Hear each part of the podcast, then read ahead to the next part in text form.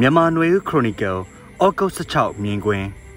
စစ်အာဏာသိမ်းပြီးနောက်ကုလအထူးကိုယ်စားလှယ်ရဲ့ပထမဆုံးခရီးစဉ်နိုင်ငံရေးအကြက်တဲကြကရေဘေးဒုက္ခရောက်ကြအောင်မဲ့ဒေသတွေမြန်မာနိုင်ငံဆိုင်ရာကုလသမဂ္ဂအထူးကိုယ်စားလှယ်တာဝန်ပေးအပ်ထားတဲ့စင်ကာပူနိုင်ငံသူဒေါက်တာနိုလင်းဟေစာဩဂုတ်လ16ရက်နေ့မှာရန်ကုန်ရောက်ရှိလာပြီးမြန်မာစစ်ကောင်စီခေါင်းဆောင်နဲ့ဩဂုတ်18ရက်နေ့မှာတွေ့ဆုံဖို့ရှိပါတယ်။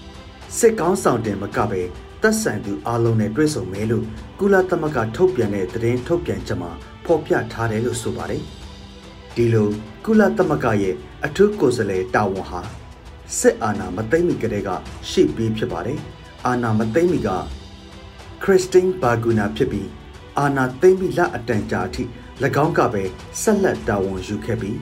မြန်မာစစ်ကောင်းဆောင်ဒုချုပ်စိုးဝင်းနဲ့အွန်လိုင်းကဆက်သွယ် ဆွေးနွေးမှုတွေရှိခဲ့ပေမဲ့ရလက်အားဖြင့်တော့ထူးထူးခြားခြားမရှိခဲ့ပါဘူး။အဲဒီနောက်အခုလက်ရှိအထူးကိုယ်စားလှယ်ဖြစ်တဲ့စင်ကာပူနိုင်ငံသူဒေါက်တာနိုလင်းဟေဇာတာဝန်ယူခဲ့တာဖြစ်ပြီးခုလိုစစ်အာဏာသိမ်းပြီးနောက်လူကိုယ်တိုင်လာရောက်တဲ့ပထမဆုံးခရီးစဉ်ဖြစ်လာခဲ့တာပါ။ထိုခရီးစဉ်ကဘလို့ရလက်တွေထွက်ပေါ်လာမယ်မသိရသေးတော့လေအာဆီယံရဲ့သဘောတူညီမှု၅ချက်အပေါ်အခြေခံပါလား။ အခြားသောအချက်တွေကိုဆွေးနွေးမှလာတော့မသိနိုင်သေးပါဘူးကုလသမဂ္ဂရဲ့ရည်တည်မှုအရာတော့လူသားချင်းစာနာမှုအကူအညီကိစ္စတွေအပေါ်အခြေခံဆွေးနွေးမဲ့အလားအလာများမယ်လို့ယူဆရပါတယ်မြန်မာနိုင်ငံရဲ့နိုင်ငံရေးအကျက်အတဲကဒေသတွင်းနိုင်ငံတွေကိုပါရိုက်ခတ်လာနိုင်ခြေရှိပြီးခုလက်ရှိမှာတင်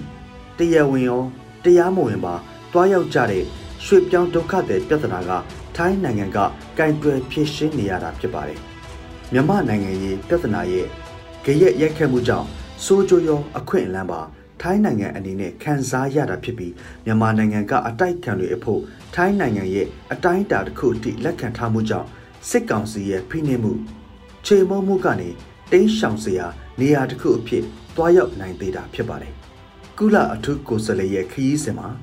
စစ်ကောင်စီအနေနဲ့တော့ထူးထူးခြားခြားအလျှော့ပေးတာမျိုးမမြင်မိပဲ၎င်းတို့ရဲ့ရက်တီချက်ကိုသာထပ်ပြီးပြောဆိုဖို့အလားအလာများပါတယ်။အခုလိုလာခွင့်ပြုလိုက်တာကိုပဲစစ်ကောင်စီဘက်ကလာရောမှုတစ်ခုတစ်ပွဲနိုင်ငံတကာတန်တမန်နေပယ်မှာဝါဒဖြန့်ဖို့ရည်ရွယ်တာမျိုးဖြစ်ကောင်းဖြစ်နိုင်ပါတယ်။ဒီနေ့အဖို့ဒုတိယအကြောင်းအရာတစ်ခုကတော့ရာသီဥတုပြောင်းလဲခြင်းရဲ့အကျိုးဆက်တွေဖြစ်တဲ့မိုးကြီးရေရှမ်းပြီးနေအိမ်တွေရေမြုပ်တာ စိုက်ပျိုးရေးသီးနှံတွေပျက်စီးတာအချို့သောဒေသတွေမှာရေနဲ့မျောပါပြီးအသက်ဆုံးရှုံးတာတွေ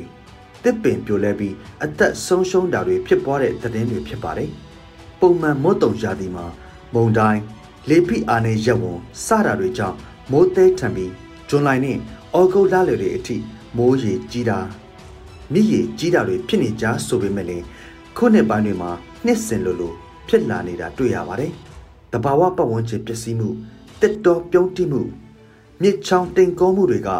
မြစ်ရည်ကြီးဖို့ရေကြီးဖို့အကြောင်းပေါင်းစုံစေတာဖြစ်ပါတယ်စစ်အာဏာသိမ်းပြီးတနစ်ကျော်ကာလအတွင်းတရားဥပဒေစိုးမိုးမှုပုံမူပျက်စီးလာကအရင်ကထိမ့်သိမ့်နိုင်တဲ့ area ဒေသတွေမှာတော့တစ်ခိုးထုံးမှုရွှေတူးတာကြောက်မြက်တွေအလွန်အကျွံတူးတာတွေသတင်းတွေထဲတွေ့နေရတာဖတ်နေရတာဖြစ်ပါတယ် ဒီတနစ်ကျော်ကာလပျက်စီးမှုကဆယ်စုနှစ်တစုစာလောက်ထိမ့်သိမ့်ခဲ့တာတွေအဟောတိကံဖြစ်သွားရလောက်တဲ့သဘောလဲတွေ့နေရပါတယ်။ကြောက်မြတ်တယံဇာတာတစ်တော်ရွှေတူးမှုတွေကစီးပွားရေးကြက်တဲတဲ့အကြောင်းကအဓိကမဟုတ်ပဲတရားဥပဒေစိုးမိုးမှုမရှိတော့တာအာဏာရှိသူတွေကိုလက်ငွေပေးပြီးလှုပ်ချင်တာလှုပ်ခွင့်ရတော့တွေကအဓိကအကြောင်းရင်းဖြစ်ပါတယ်။ဒီလိုအကျိုးဆက်တွေကိုအခုလက်တလောတဘာဝဘေးအန္တရာယ် ကြားရောက်မှုပုံမကြီးမားလာတာအပြင်နောက်လာမယ့်အနာဂတ်မှာအကျိုးဆက်တွေကြုံကြရအောင်မဲ့အလားအလာလည်းရှိပါတယ်။အခြားသောအချက်တစ်ချက်ကခုလိုတဘာဝဘေးအန္တရာယ်နဲ့ကြုံတွေ့ရချိန်မှာအုတ်ချုပ်တဲ့အစိုးရကလူထုအများစုနဲ့ရံပတ်လိုဖြစ်နေတာကြောင့်ရောလုံခြုံရေးအကြောင်းကအဓိကဦးစားပေးဖြစ်နေတာကြောင့်ပါကြိုတင်ကာကွယ်ရေးနဲ့ကယ်ဆယ်ရေးတွေကောင်းကောင်းလုပ်နိုင်မှာမဟုတ်ပဲရက်ရွာလူမှုအတိုင်းဝိုင်းကမိမိတို့အချင်းချင်းသာ ကူညီကယ်ဆယ်ရမယ့်အနေအထားမျိုးဖြစ်လာနေတာပါ။တဘာဝဘေးအန္တရာယ်ကြောက်ရောက်ချိန်မှာစစ်တပ်လိုရဲလိုအဖွဲ့အစည်းတွေကပေးမဲ့အကူအညီမျိုးကိုလူထုကလည်းမယူလိုကြပဲ၎င်းတို့ကလည်းလူထုကိုကူညီဖို့ထက်အာဏာကိုကောက်ွယ်ဖို့သာပုံမှုအလေးထားလှုပ်ဆောင်နေကြတာကြောင့်လူထုအဖို့တဘာဝဘေးအန္တရာယ်တန်ကိုကြောကော့အောင်ရင်ဆိုင်ခံစားကြရတော့မယ့်အခြေအနေမျိုးဖြစ်နေပါတယ်ခင်ဗျာ ဟုတ်ကဲ့ပါအခုဖတ်သွားခဲ့တာကတော့မိုးမခဆောင်ပါတပုတ်ပဲဖြစ်ပါတယ်ခင်ဗျာကျွန်တော်ຫນွေဦးမိုးပါ